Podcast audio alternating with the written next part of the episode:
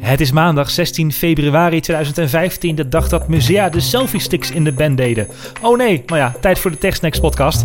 Ik ben Raymond Mens en tegenover mij zit Maarten van Woerkom. In 40 minuten bespreken wij vier tech-onderwerpen. Welkom bij TechSnacks.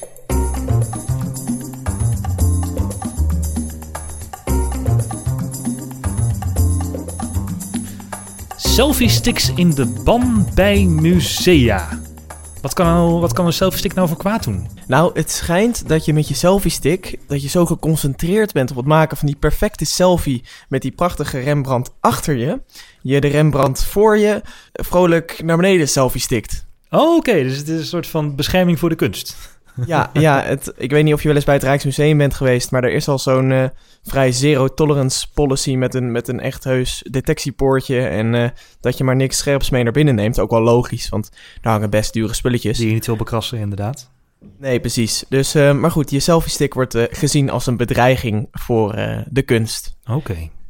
Heftig, dus dan moet je toch hele lange armen hebben of iemand met hele lange armen meenemen, die dan een selfie kan maken, zodat je er allemaal goed op staat. En ook het kunstwerk nog een beetje zichtbaar is.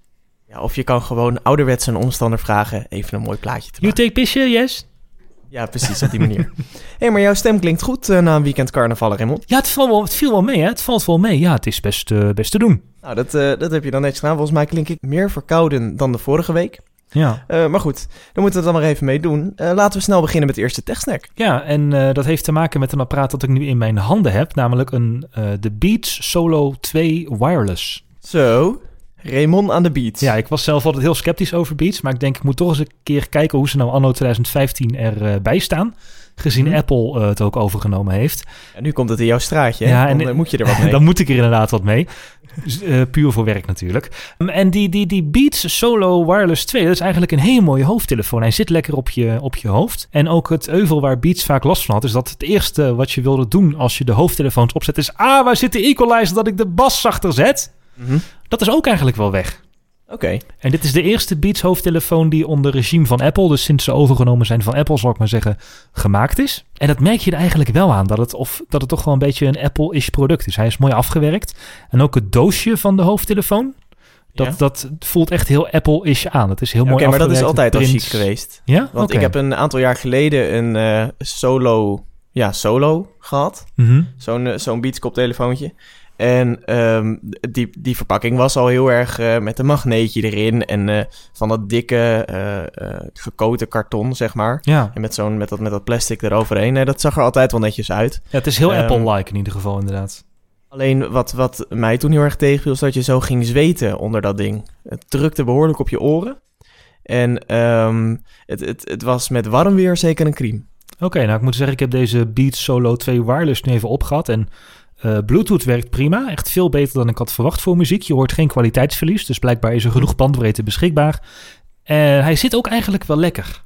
Oké. Okay. Op je oren. Hij drukt niet of zo, de kussentjes zijn uh, goed zacht, maar de prijs is nog wel steeds behoorlijk. Ja, maar zou jij er zo de straat mee opgaan? Ja, hij is wit en ja. hij is niet heel groot. Okay. Het is geen enorme hoofdtelefoon meer, hij is wel redelijk subtiel. Dus ja, ik vind het een, een aardig ding. Oké. Okay. Nog steeds nou, te duur voor wat je ervoor krijgt in mijn ja, precies, want jij hebt hem ter review. Je hebt hem niet gekocht. Ja, nee, precies. Ik uh, probeer nee, okay. hem. En uh, tot nu toe, uh, okay. de, dit is de eerste indruk, is wel positief. Maar het ging eigenlijk meer over de muziek streamingdienst van Beats, Beats Music.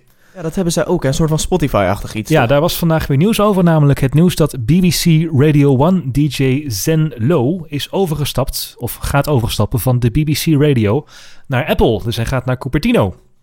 Gaat daar werken. Hij gaat daar werken, inderdaad. Hij werkt sinds okay. 2003 voor de BBC. En hij speelde bij de BBC een uh, grote rol, mag ik wel zeggen, in het samenstellen van playlisten voor de zenders. Mm -hmm. En uh, hij was ook een beetje de man die nieuwe artiesten en nieuwe muziek ontdekte. Zo ontdekte hij bijvoorbeeld Ed Sheeran. Oké. Okay. Die heeft hij groot gemaakt. Singer-songwriter um, ja. met het uh, rode haar. Precies. Op 5 maart is de laatste uitzending van um, de BBC Radio 1 DJ Zane Lou. En daarna gaat hij dus naar Cupertino. Oké. En hij gaat aan Beats of iTunes werken waarschijnlijk, want daar gaan geruchten al langer over dat uh, Apple en Beats een nieuwe muziekservice willen lanceren die een soort van midden houdt tussen iTunes en Beats Music. En Ja. volgens de laatste geruchten gaat het dan om een combinatie van streaming en je eigen muziekbibliotheek. Dus dat je die eigenlijk gewoon vrolijk door elkaar kunt gebruiken. En dat ze ook op elkaar kunnen reageren. Dus als jij zegt, ehm, ik heb nu dit liedje uit mijn eigen muziekbibliotheek en daarna wil ik wel wat andere liedjes horen, maar die heb ik niet, die er wel mee te maken hebben, nou, dan mag je die wel streamen. Ja, precies. En dan, want ehm, ik weet me te herinneren uit eerdere geruchten van Beats Music... dat het daar ook een eh, belangrijk onderdeel daarvan is... dus het cureren in zo'n afspeellijst, toch? Ja, klopt. Eh, Beats Music playlisten die zijn eh, naast algoritmisch ook handmatig door mensen gecureerd. En geloof me, dat merk je. Want het plannen van muziek is altijd nog iets waar gevoel en flow bij komt kijken. Ja. En dat kan een algoritme, kan dat gewoonweg nog niet. Maar dat kan dus een van de taken zijn die die BBC Radio 1 DJ bij Apple kan gaan doen. Hij kan eh, de curatie van Beats Music gaan leiden of er een onderdeel van worden. Want ja, Beats is daar uniek mee. Je kan in de app zeggen van eh, I'm at the beach and I'm celebrating with my friends to hip-hop and dance. Noem me daar eens muziek bij. Oké, dus je kan echt op mood kan je... ehm, maar goed, dat heeft Spotify natuurlijk ook. Die ehm, heeft een, een sortering op, eh, op emotie. Ehm, ik ben zelf groot Spotify-fan. Ik gebruik het heel erg veel. Ehm, en wat ik daar ook heel erg leuk aan vind, is dat heel veel bedrijven tegenwoordig ook op Spotify zitten. En festivals en radiozenders. 3FM heeft bijvoorbeeld een, eh, een heel groot Spotify-account met allemaal ehm, eh, playlists van de top 50 tot ehm, de Service Request, meest aangevraagde nummers. Eh, maar ook Lowlands Festival. Ik heb eh, kaarten kunnen regelen, ga ik dit jaar heen. Die heeft ook al een, een inluisterlijst eh, met de artiesten die tot nu toe zijn aangekondigd. Dus dan kan ik nu alvast eh, een voorpret hebben met een, met een Spotify-lijst. En die meerwaarde moet Apple natuurlijk gaan eh, compenseren als ze zo'n eh, Beat Music eh, dienst gaan lanceren. Nou ja, Apple doet het dan niet meer eh, met een Nederlands festival. Maar die vragen meteen Kanye West of Beyoncé of Eminem om gewoon een exclusief iets te doen natuurlijk. Want ehm, die Zane Lou, die heeft, die heeft ook al veel contacten door zijn, eh, ja, door zijn jarenlange carrière als eh, radiopresentator. Kent hij ook gewoon heel veel persoon, mensen persoonlijk. Dus ook daar zou hij wel wat mee kunnen doen. Dus eigenlijk de exclusieve content ehm, bij Beats Music en de, de exclusieve features als het eh, gecureerde afspeellijsten van muziek, dat moet dat eigenlijk gaan maken. Ja, en ik vermoed zelf dat hij niet gaat presenteren of zo. Dat Apple niet met een eigen radiostation komt. Dat lijkt Nee. me heel onwaarschijnlijk. Ja, Maar ik denk wel dat, eh, dat zo'n radio-icoon, wat eh, veel ervaring heeft met playlists en een oor heeft voor wat mooi naar elkaar kan komen en wat mooi niet, dat hij zeker bij de curatie of gewoon ja, het, het doen van nieuwe exclusieve content of nieuwe artiesten samenstellen, want dat heeft hij ook vaak gedaan, nieuwe artiesten ehm, vinden, dat hij daar wel een rol bij kan gaan spelen. En ja, zo'n eh, zo'n overstap van een radio-dj zegt dan alleen nog maar sterker natuurlijk dat Apple wel heel erg bezig is met de nieuwe muziekdienst. nou ja, dat, dat moet ook wel, want iTunes is redelijk in het slop geraakt. Volgens mij hebben we al lang geen positieve cijfers meer ehm, over iTunes gehoord. Nee, en iTunes Radio is het ook net niet. Nee, heb jij, gebruik jij dat wel eens? Ja, het is niet in Nederland, hè, dus we kunnen het nog niet gebruiken. Kun je Nee, maar ik dacht misschien heb jij via een, eh, een hack eh, iets kunnen krijgen. Nee, maar als ik- ik muziek luister, doe ik het op andere manieren dan iTunes Radio. Ja, precies. Nou, ik hoor er ook niet zoveel over. Dus eh, ja, misschien dat hij daar... Want, want zou hij met iTunes nog iets kunnen gaan doen? Nou ja, de geruchten zijn dat het samen gaat, iTunes en Beats Music, en dat het een soort van nieuwe, hippe service wordt. Ja, ja, dus dat het gewoon één, één complete muziekdienst wordt. Ja, en wat dan vandaag ook eh, naar boven kwam, is dat, daar ben ik persoonlijk wel blij mee, dat bij de nieuwe muziekdienst, dat dan eindelijk alle covers en karaoke-versies en bla bla bla allemaal eens uit de iTunes Store gedonderd wordt. Ik weet niet of je het met Spotify ook wel eens hebt. Als je zoekt naar een liedje van een artiest, dat je dan eerst in je lijst ook 50 covers krijgt of 50 karaoke-versies. Nee, je krijgt altijd ehm, de, de meest afgespeelde volgens mij. Sorteren ze het daarop. Dat je, als je de nummer zoekt, dan zie je nou ja, de grootste artiest bovenaan. Dus ja. nee, daar heb ik nooit zo heel veel last van. Oké, Ehm, nou dat herinner ik me als een ergernis in Spotify. Dat er altijd van die karaoke en, eh, en eh, coverversies, eh tribute to versies in stonden. Maar dat zou dus blijkbaar ook dan verdwijnen uit iTunes. Want die meuk zit ook in iTunes en Beats Music. Ja. En de muziekdienst zal goedkoper worden. Namelijk 5 tot 7 dollar per maand. Oké, ja, dat is wel echt goedkoper dan Spotify, waar je een tientje voor betaalt in euro's Ja. per maand. En dat zou dan de sweet spot zijn tussen, eh, tussen maximale opbrengst voor de artiesten... en veel gebruikers die het eh, zich kunnen veroorloven, die muziekdienst. Oké. En hij komt misschien al sneller dan gedacht, want de geruchten gaan ook dat in iOS 8.4, we zitten nu op iOS 8.2, maar later dit jaar dus, ver later in dit jaar, dat we dan de nieuwe Apple Beats Music eh, tegemoet, tegemoet kunnen zien. En, als, en als het zo wordt als die, eh, die hardware, die is die Beats Solo 2 wireless, dan, nou, dan, ben ik, dan wil ik het wel eens een pogingje geven. Nou ja, als het goedkoper is en het heeft hetzelfde aanbod of meer dan Spotify, ja, dan is het natuurlijk makkelijk kiezen. Ja, als ze heel de iTunes, eh, het hele iTunes aanbod kunnen laten streamen, dan heb je natuurlijk gewoon het grootste aanbod, want werkelijk alles zit in iTunes. Ja, ze zitten alleen nog met een, eh, een, een naamsbekendheid probleempje. Maar ja, dan moeten ze dat koppelen inderdaad aan, het, aan iTunes. Misschien dat het, dan, dat het dan gaat aanslaan. En Ja. wat ik nog steeds voor mij een groot voordeel is, maar dat is vrij persoonlijk van Spotify, is dat ik dat via Hi eh, eh, afneem. En bij Hi heb ik mijn telefoonabonnement ook. En dat door een soort van positieve afwezigheid van netneutraliteit, ik geen MB'tjes betaal of geen MB'tjes inlever voor het streamen van Spotify onderweg. Oeh. Dat is nog wel een heel groot voordeel, want dan hoef ik niks offline te zetten op Spotify. Het kan wel, je kan Spotify-nummers eh, zeg maar downloaden en dan moet je binnen 30 dagen weer een keer online zijn geweest om nog steeds te kunnen checken ehm, dat je nog steeds betaald hebt voor Spotify, dat je je abonnement wel aanhoudt. Maar in principe kun je ook alle muziek van Spotify offline luisteren als je een Spotify Premium abonnement hebt. Nou, genoeg concurrentie dus voor Apple Beats Music. En dan kunnen ze de BBC radio-icoon Zeenlul goed bij gebruiken. Nou, ik ben benieuwd. Hey, dan gaan we van eh, muziek even naar eh, een plek waar je veel muziek luistert. En we gaan vanavond even speculeren over auto's. Hè, daar heb ik nou echt verstand van. Nou, dat maakt op zich niet zoveel uit, want je hebt wel verstand van Apple. En Tuurlijk. de geruchten zijn, of tenminste de afgelopen weken houdt het de gemoederen een beetje bezig, dat Apple bezig is met een zelfrijdende auto. En natuurlijk meteen weer omgedoopt tot de Apple iCar. Intern wordt het eh, Project Titan genoemd. En ehm, de geruchten zijn op gang gekomen door een Dodge minivan. ehm, met een soort van opbouw. Wat een beetje doet denken aan een hele grote DJI Phantom. eh, ontwerp op een dak van een Dodge. Ehm, eh, waarmee die auto rondrijdt. En daar zijn foto's van gemaakt. En ehm, nou goed, die Dodge is geleased door Apple. Wauw, dus ze hebben niet zelf een auto gekocht, maar ze hebben hem gewoon geleased. ze hebben hem gewoon geleased. En eh, die opbouw die is wel redelijk bekend. Want het is een vrij standaard ontwerp om te gaan experimenteren met zelfrijdende auto's. Ehm, dat blijkt een beetje een standaard te zijn. Maar goed, dat Project Titan dat, dat kwam zo'n beetje in de media. En afgelopen dagen melden ineens een aantal eh, grote persbureaus en websites, zoals eh, Business Insider en Reuters, eh, dat Apple inderdaad bezig is met een auto. En een eh, anonieme Apple, eh, een Apple-medewerker die anoniem wilde blijven, heeft tegenover Business Insider gezegd dat Apple's latest project is too exciting to pass up. I think it will change the landscape and give Tesla a run for its money. Oei, Zo, oei, oei, oei, Ja, dat lijkt wel heel erg op directe concurrentie. En Reuters, eh, het groot persbureau, bericht inderdaad, of, eh, bericht eveneens dat Apple ook bezig is met prototypes verzamelen. Voor een, eh, spullen voor prototypes verzamelen, ik moet wel goed zeggen. Voor ehm, een echte Apple iCar. Een dus- Apple Car zal het dan waarschijnlijk worden. Ja, de Apple Car, wat de i, die wordt er langzaam inderdaad eh, uitgesloopt. Maar iedereen is ineens bezig. Lijkt ineens, boom, dat elk bedrijf, elk groot bedrijf ineens bezig is met een zelfrijdende auto. Ja, ja en we hebben natuurlijk eh, Google. eh, met de Google Self-Driving Car. Ik denk dat dat het meest, ehm, meest goed transparante project is eh, op het gebied van zelfrijdende auto's. eh, wat er nu is. Want Google zet alles op YouTube. Tenminste veel. Eh, je ziet insights van de software. Je ziet hoe ze aan het bouwen zijn. En ze hebben nu echt een autootje gemaakt zonder stuur. Een, schattig klein smartachtig dingetje. En ehm, ja, ik bedoel, het ziet mij een beetje, het deed me erg denken aan Brum. Ik weet niet of je dat nog wel kent van, van vroeger. Het dat, autootje Brum, ja. het autootje Brum, daar, daar deed het me een beetje aan denken. Ehm, ik zie mezelf er niet in rijden. Ik vind het ook eigenlijk wel een eng idee. Ehm, jij rijdt geen auto, toch?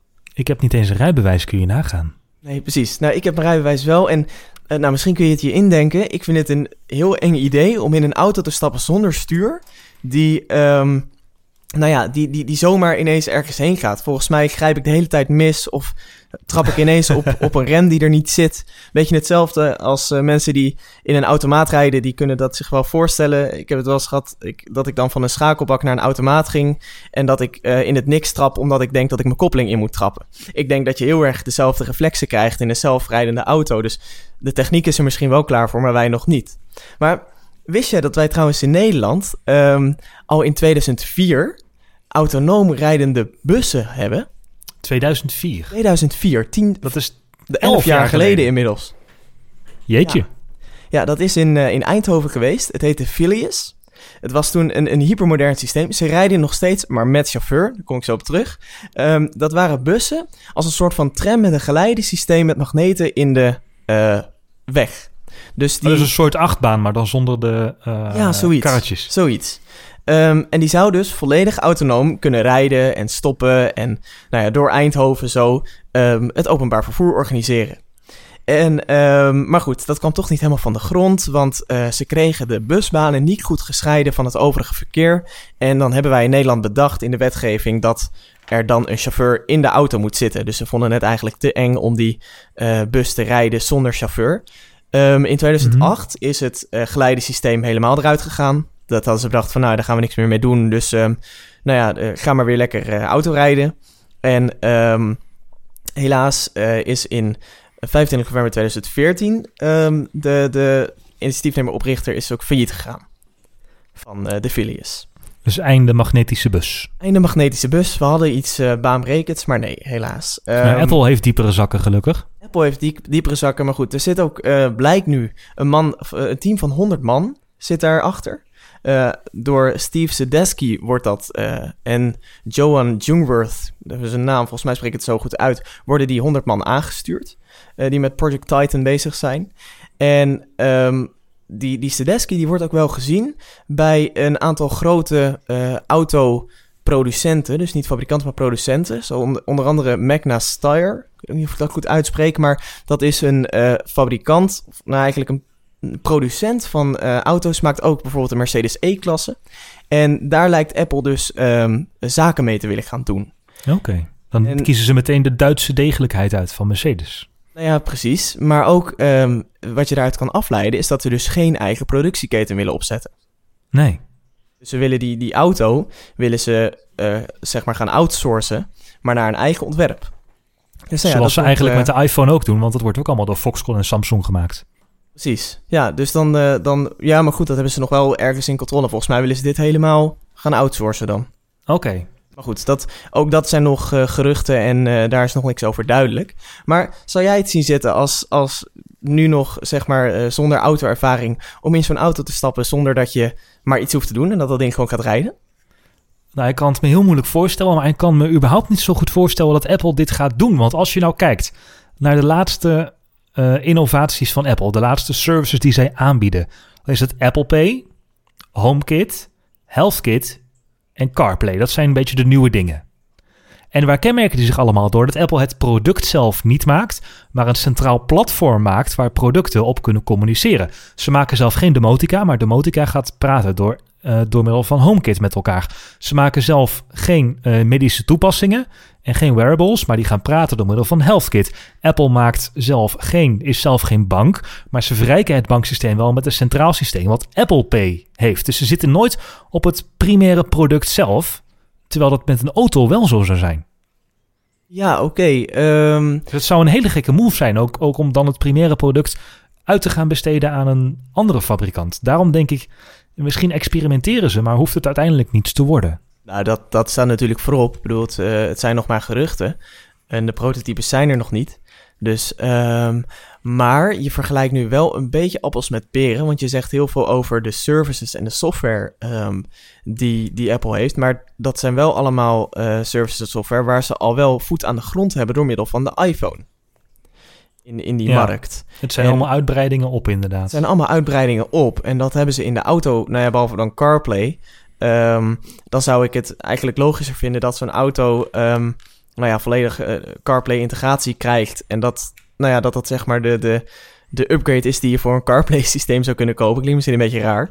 Maar um, ik denk niet dat, ze, dat het niet binnen de visie van Apple wil passen. Want je noemde, uh, dan draai ik je, je redenering even om. Je noemde HomeKit en je noemde HealthKit en je noemde um, nog, een, nog een aantal andere voorbeelden. CarPlay, Apple Pay. CarPlay, Apple Pay. Um, ze nemen op heel veel facetten binnen je leven, komt Apple nu binnen. Uh, in je huis, uh, bij je bank, um, in, uh, hoe heet het, bij je gezondheid.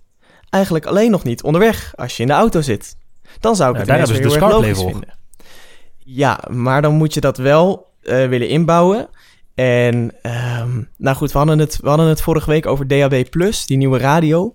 En ehm, dat het, daar was ook een argument tegen dat DAB Plus eigenlijk ehm, dat de refresh ehm, eh, rate van, van auto's zo eh, langzaam gaat. Dat het inbouwen van nieuwe radio's in auto's heel erg langzaam en, en niet opschiet. Dus dat het DAB Plus geen succes zou worden. En je moet wel echt Apple-fan zijn en veel van Apple hebben en dat graag in je auto willen. Om CarPlay zelf te gaan installeren met een los Pioneer systeem. Ja, zoals een niet Ja. nadig te noemen hoofdredacteur van een niet nadig te noemen grote Apple-website, waar een niet nadig te noemen deelnemer aan deze podcast een niet nadig te noemen functie vervult. Precies. Maar dat, ja, dat is wel een beetje spijker op zijn kop, want dat is natuurlijk een groot Apple-fan. Ja. Dus ehm, ja, ik, ik twijfel nog heel erg eh, sowieso over het succes van CarPlay. Ik, eh, dat, ja, daar ben ik nog niet helemaal over uit. Ehm, ik maar die dat- zelfrijdende auto, die gaan we toch de komende tien jaar nog niet zien. Ook niet van Apple. Nee, nou de, de Tesla, eh, Elon Musk van Tesla, eh, die zegt dat het binnen vijf jaar eh, ready is. Dat we binnen vijf Hmm. jaar de eerste zelfrijdende auto's op, de, op de weg zullen krijgen. Zeiden we dat twintig jaar geleden ook niet, dat het echt over vijf jaar Ja, gaat gebeuren? Ik, Ik ben er sceptisch over. Ook dat hele Apple-verhaal, ze zullen er misschien wel aan werken en het zal misschien wel in de works zijn, maar dat wil nog niet zeggen dat ze het ook echt gaan doen. Ja, nou ja, we moeten het, eh, we moeten het gaan zien. Ik eh, vind het vooral spannend dat als ze er zijn, ehm, wat wij als chauffeurs daar nou van gaan vinden. Want volgens mij zijn we veel te geconditioneerd in de huidige auto's om eh, dat helemaal los te kunnen laten. Ja, ik zou het zelf, ja, wennen, maar ook wel ergens een beetje angstig vinden. Ja, ik, eh, ik ben er nog niet helemaal over uit. Mocht jij nou als luisteraar zoiets hebben van, nou ja, doe mij zo'n auto maar en eh, ik wil dat best. Eh, van mij hoeft dat hele schakelen en richting aangeven en alles hoeft allemaal niet. Ehm, mail dan even naar reactie.technex.nl of via de website via technex.nl slash submit. Kun je ook reageren. Ehm, dan gaan we daar volgende week het nog even kort over hebben. Ja, wij zijn benieuwd of onze luisteraars het zien zitten. Zo'n zelfrijdende auto van Apple of Tesla of Google of wat dan ook. Precies. Dan ga ik even terug naar vorige week dinsdag. Want waar was jij vorige week dinsdag toen Dumpert en geen stel plat lagen? In paniek aan het rondrennen over straat. Oh ja, en ook de Rijksoverheid en Telfort lagen nog plat. Maar ja, Dumpert en geen stel zijn natuurlijk veel belangrijker. Precies. Wat, wat was er mijn, nou aan eh, de hand vorige week, joh? Een grote storing? Ja, eh, ik, eh, ik bedoel, dat was het inderdaad. Ik probeerde op Dumper te komen om mijn dagelijkse dosis internetgekkies eh, tot mij te nemen. en ehm, wat kwaliteitsjournalistiek op geen stel te lezen. Terwijl ik mijn belastingaangifte nog even wilde checken. Ehm, nou zit ik niet bij Telfort, dus daar had ik niks te zoeken. Maar inderdaad, alles lag plat. Ehm, het was compleet onduidelijk. Ja, het was een storing bij ProLocation. Dat is een eh, partij die diensten aan netwerkdiensten en hostingdiensten levert. Dus je kunt er je server ophangen, maar ook gebruik maken van een netwerk alleen. Of tegen ze zeggen, yo, ik heb hier een eh, website en eh, doe voor mij alles maar. Dat ik maar alleen maar druk hoef te maken over stukjes typen. En die hadden een enorm lange storing. Namelijk een storing die duurde van half tien ochtends ongeveer tot eh acht uur 's avonds. En wat was er nou aan de hand? Eh, er was iets aan de hand. En het was een zogenaamde DDoS-aanval. Dat is dat de lijn die naar, dus de internetlijn die naar de servers gaat, eh, de centrale internetlijn, die werd helemaal dichtgeslipt door ja, een aanval. En het zou dan gaan om een nieuw soort innovatieve aanval, die niet die richting rijksoverheid.nl gericht was. En die niet heel veel verkeer, eh, dus netwerkverkeer maakte, maar toch op de een of andere manier het netwerk wist te blokkeren. Eh, dat was althans de verklaring van ProLocation. Maar daar gelooft niet iedereen in, in die verklaring. Want misschien hebben ze het zelf wel gewoon eh opgefukt. Ja, het is wel een makkelijke, een makkelijke reden om op af te schuiven, inderdaad. En het, het ja, doet me ook een, beetje denken aan een, aan, een, aan een bepaalde uitspraak van een bepaalde voorzitter van een bepaalde Tweede Kamer. Die toch echt even moest googelen wat dat ICT nou eigenlijk betekent. En ehm, ik vind het ook wel typisch dat dit gebeurt een week nadat eh, de Tweede Kamer forse kritiek heeft op de ICT en de, de backup systemen van eh, de NS en ProRail.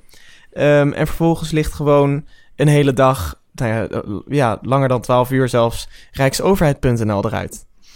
Ja, en wat sommige websites hebben gedaan is overschakelen op een soort van noodsysteem. Dat hebben onder andere geen stel en Ja, Dumpert Daar gedaan. kon je de hele dag een filmpje Die hebben kijken. gezegd, het duurt ons te lang, we gaan, eh, Ja. we gaan naar Tumblr. En die hebben op de achterliggende, eh, op de achterliggende website hebben zij hun eh, servers omgeprikt. Ja, slim. Maar ja, dat ProLocation is gewoon een groepje nerds. Wat heel goed is met netwerken, maar net zo goed is met Oh communiceren. En dat stuitte heel veel providers een beetje tegen het verkeerde been. Er is in Nederland iets dat heet het nationale, uh, dan moet ik het even goed zeggen.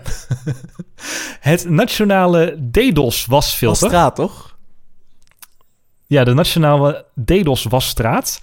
En daarmee kun je die DDoS aanvallen, is een samenwerking tussen verschillende providers. En daarmee kun je dus die DDoS aanvallen een soort van filteren met centrale apparatuur. Daar had dat uh, ProLocation geen gebruik van gemaakt. En ProLocation had gezegd: ja, maar andere partijen zouden dit ook niet aan hebben gekund. En wij konden er echt niks hmm. aan doen. Nou, en dat was de branchevereniging van webhosters. Was dat tegen het verkeerde been?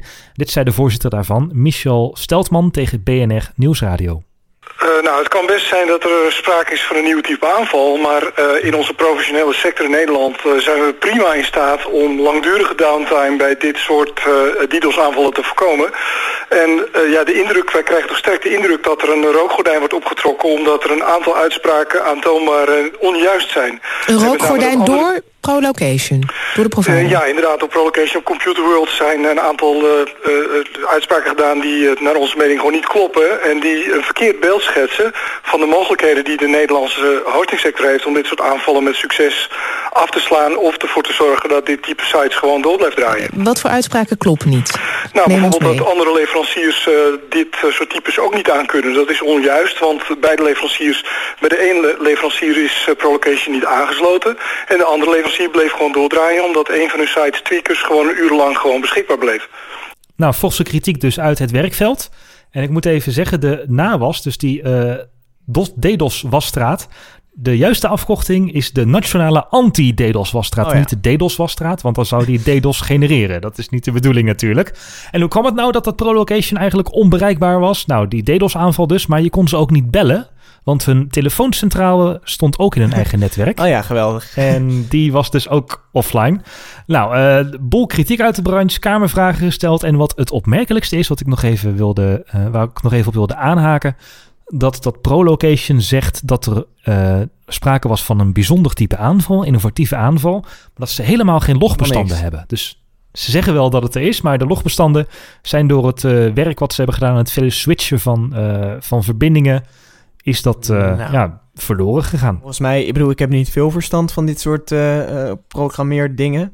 Maar volgens mij is het enige wat je altijd na een crash nog overhoudt, zijn je logbestanden. Gelukkig hebben we de logs nog. Ja, precies. Die zijn altijd toch nog wel ergens te vinden.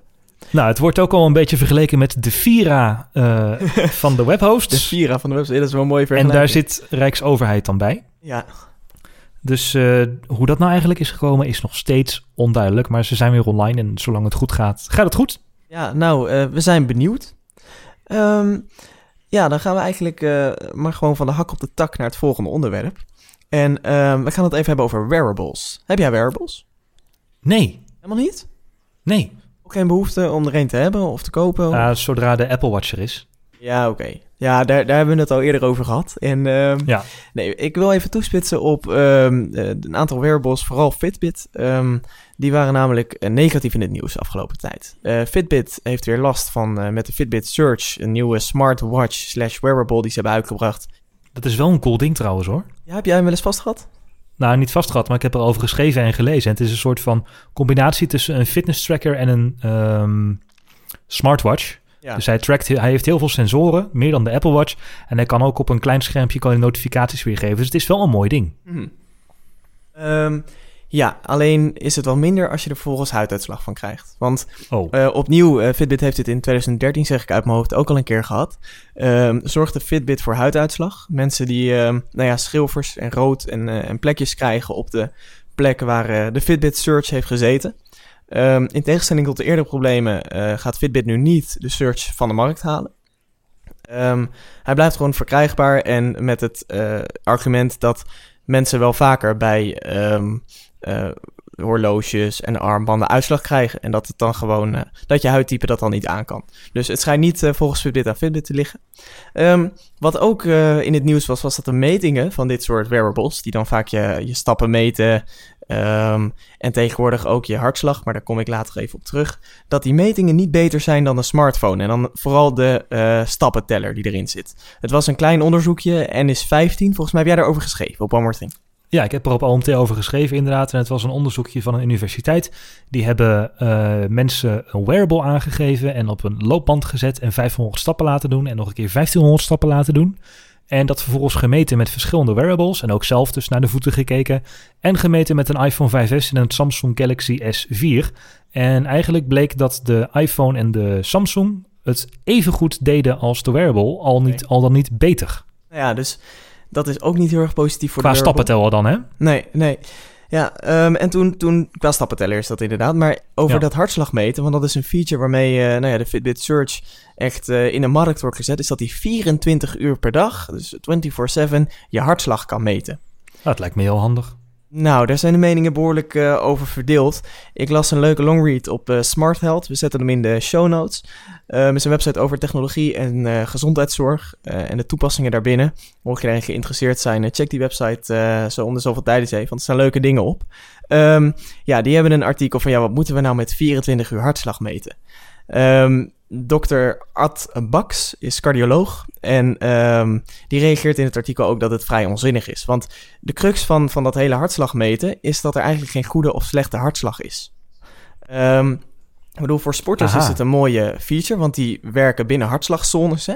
Dus die willen hun conditie optimaliseren door naar doelen toe te werken, door die hartslag binnen bepaalde zones te houden, binnen bepaalde grenzen. Maar 24 uur per dag de, de, de hartslag meten van kerngezonde mensen zorgt alleen maar voor vragen. En dat merken ook de Hartstichting en de huisartsen in Nederland. Want die krijgen steeds vaker vragen van ja, wat is nou een goede hartslag en wat nou niet? Nou, het, het ingewikkelde daarin is dat je hartslag enorm kan verschillen. Als jij ligt te slapen is je hartslag veel lager dan als jij eh, wakker bent. Ja. Ehm, en dat heel veel dingen er invloed op hebben. Dus als jij bijvoorbeeld een paar koppen koffie achterover hebt getikt, dan eh, kan dat best invloed hebben op jouw hartslag. Omdat er gewoon veel meer cafeïne in je lichaam zit. Maar dat hoeft niet per se te zeggen dat er iets mis is. Dat je doodgaat. Dokter, mijn Precies. Fitbit zegt dat ik doodga. Help. Ja, nou ja, goed. Ehm, en nou ja, dus dan zitten we te kijken van wat is nou ehm, eigenlijk de, de toegevoegde waarde van dit soort metingen. Nou ja, volgens eh, eh, het vakgebied is eigenlijk niet. Ehm, maar waar Fitbit en, en de andere fabrikanten die met dit soort dingen mee, eh, zeg maar het aan ophangen, is het advies wat ze willen geven. Eh, dus bijvoorbeeld, nou, je hartslag is dit en dit. Ehm, ga wat meer bewegen. Of eh, ja, dus, dus da- Ja. daar blijft het ook eigenlijk bij, want ze mogen niet heel veel meer. En dat heeft te maken met de uh, waakhond in Amerika, de FDA. Eh, die moet al dit soort dingen goedkeuren. En eh, die betitelt De dit Federal zelfs... Drug Administration. Precies, eh, die betitelt dit zelfs als wellness devices. Hé, maar het waren toch health trackers? Precies. Maar de FDA zegt dit zijn wellness devices en die mogen geen concrete adviezen geven. Ehm, dus het is dus uit een boze, dat geeft Smart Health als voorbeeld. ehm, het is uit een boze dat zo'n eh, wearable bijvoorbeeld je bloedsuiker meet. Hij zegt van, eh, nou, je gaat nu naar een, eh, naar een hypo, dus je bloedsuiker gaat veel te laag, dat gaat niet goed. Je moet nu heel snel dingen gaan eten. Ehm, dat mag dus niet. Ze mogen dus niks claimen rondom je gezondheid. Van joh, je hebt dus nu een hypoglycemie. Dat mag niet. Dat, dat mogen ze zich niet aan wagen. Want dat blijft nog steeds mensenwerk. En eh, dat maakt dus dat, dat eigenlijk nou ja, de, de kapstokken waar Fitbit en de fabrikanten dit aan willen ophangen, eigenlijk heel erg beperkt wordt. Tot, nou ja, eh, ga iets meer bewegen. Of, Stappen eh, tellen, ja. ja, precies. Of, of ga eens een, twee keer in de week sporten in plaats van één keer. Maar echt concreet, ja, kunnen ze toch niet heel erg veel. En ehm, ja, dat maakt de meerwaarde van dit soort features waar je toch wel behoorlijk wat voor betaalt. Want die Fitbit Search is niet goedkoop. Nee. ehm, maakt dat toch wel weer wat minder. En, Ja, het enige wat, wat ik me dan kan voorstellen is dat eh, wat we hebben gezien van de Apple Watch, is dat die af en toe zegt van, hé hey joh, je staat te lang. Tik tik op je pols, ga eens lopen. Ja, nou ja, dat, dat zou dan een, eh, een, een leuke gimmick zijn. Maar ja, of je echt je leefstijl daardoor gaat aanpassen, ik betwijfel het. Ja, ik merk wel dat wij redelijk kritisch zijn alle twee op wearables. Ik zie het eh, praktisch nut niet als eh, wellness device en als gezondheidstracker, omdat je iPhone ook je stappen kan tellen. Ehm, en jij ziet het vanuit het medisch oogpunt, omdat je ook eh, verpleegkunde studeert, zie je ook nog wel wat beren op de weg. Ja, nou, het is natuurlijk een. ehm, eh, hetzelfde als je gaat googlen op dat je, je misselijk bent en hoofdpijn hebt. Binnen no time heb je een hersentumor en eh, Ja. heb je nog tien dagen. Dus ehm, er zit een gevaar in dat mensen een stukje zelfdiagnostiek gaan toepassen die eigenlijk helemaal niet nodig is. En die ook helemaal niet aan de orde is. Dus het, het kan op een bepaalde manier ook beangstigend eh, werken voor bepaalde mensen. Als je daar een beetje gevoelig voor bent, ehm, Ik bedoel, het heeft ook geen zin om als gezond mens eh, elke keer eh, om, de, om de drie uur je bloeddruk te gaan meten. Ik bedoel, er zijn gewoon geen, geen dingen die zijn niet nodig als je gezond bent. En als je wat meer wil gaan bewegen, dan, dan snap ik dat zo'n stappenteller je kan motiveren. Ehm, en als je echt een sporter bent en je wil goed trainen op je, op je conditie, dan snap ik dat zo'n hartslagmeter, ehm, eh, nou ja, goed, nog meer waarde kan hebben. Maar 24 uur per dag je hartslag meten is gewoon, eh, eh, ja, volgens, volgens mij en volgens velen onzin. Is gewoon niet nodig. Dus ik Dus zou... daar hoef je de Fitbit niet voor te kopen. Daar hoef je de Fitbit niet voor te kopen. En blijkbaar dus ook voor het stappen tellen niet. Dus ehm, je kan Nee, hou beter... gewoon je Galaxy of je iPhone in je zak en je stappen worden ook goed geteld. Ja, nou wat, wat ik wel las in dat artikel over dat onderzoekje... is dat je dus wel eh, kan investeren in een goede app om je stappen te tellen. Ja. Dat dat nog wel verschil kan maken. En eh, dus dat is dan eigenlijk het advies eh, wat, wat ik zou geven als het mij eh, gevraagd zou worden. Dat, ja, laat, laat wearables lekker voor wat het is. En ehm, wacht nog even rustig af. Goed, genoeg over huiduitslag, hartslag, hartmetingen en stappen. We gaan door naar de apps. Ik heb een app eh, in navolging op mijn eh, eh, nieuw in het leven itempje vorige week. Ik heb vorige week verteld dat ik een e-reader heb Kobo. gekocht, precies. En ehm, nou, op die Kobo kun je je boeken zetten. En bij die boeken komt een hele berg metadata. Dat is dus de data zeg maar, die achter zo'n boek hangt. Dus de kaft, de auteur, het ISBN-nummer, et cetera. Dus de extra informatie die je bij zo'n boek krijgt. Ehm, als je die wil beheren, en zeker als je je boeken uit een iets minder, ehm, eh, hoe zeg ik dat eh, discreet, iets minder legale bron hebt, ehm, dan kan het nog wel eens leuk zijn om je goede kaft eh, toe te voegen. Of als je gratis e-books gebruikt, dan gaat er ook nog wel eens wat mis in de paginanummering, et cetera. Ehm, dan kun je dat herstellen of bewerken met Calibre. Calibre e-book. Dat is een open source programma, bestaat al sinds 2006. Ehm, het kan je hele bibliotheek beheren. Je kan alles aanpassen. Je kan je boeken zelfs aanpassen in het boek. Dus je kan er zelfs dingen aan toevoegen of weghalen. Of eh, je kan converteren naar allerlei formaten die voor jou eh, e-reader handig zijn. Ehm, het werkt eh, voor Mac, Linux en Windows. Het is open source, meeschrijven mag als je features mist of fouten ziet of dat soort dingen. Dan kun je onderdeel worden van, van het team. Ehm, het is te vinden op calibre-ebook.com. gratis. En ehm, nou ja, dus eh, gewoon even downloaden als je met e-books bezig bent. Want het is een hele handige manager voor het, eh, het organiseren van al je e-books. Ja, wat je bij MP3'tjes wel eens deed met het goed zetten van de artiest en het genre en de naam. Precies. Dat is, dat is eigenlijk een tagger voor e-books. Precies. Mijn app is niet nieuw, maar oh, wat heeft hij me de afgelopen weken veel tijd bespaard. Ongelooflijk dat ik deze niet eerder heb ontdekt. En daarom wil ik dat jij als luisteraar van TechSnacks eh, ook op de hoogte bent van deze app. Het is namelijk Text Expander. Zegt je wat? Nee, ik ken het niet. Het is een productiviteitsapp voor de Mac en het is eigenlijk heel, een heel simpel doel. Als jij een eh, klein zinnetje typt, dan vervangt hij het door een grote zin of doet hij een eh, actie of doet hij een zin of een opmaak of een woord. Dus er zijn eigenlijk keyboard shortcuts die een actie triggeren. En dan heb ik vaak als ik een artikel schrijf dat ik een bepaalde regel CSS, dus hè, zoveel eh, marge boven een plaatje, zoveel marge onder het plaatje, wel een lijntje eromheen, geen lijntje eromheen. Dat was ik telkens handmatig aan het typen in de CSS. Oké. En dat was heel veel werk telkens. En dan typt hij eens wat mis. En nu typ ik gewoon in eh, CSS, dubbele punt.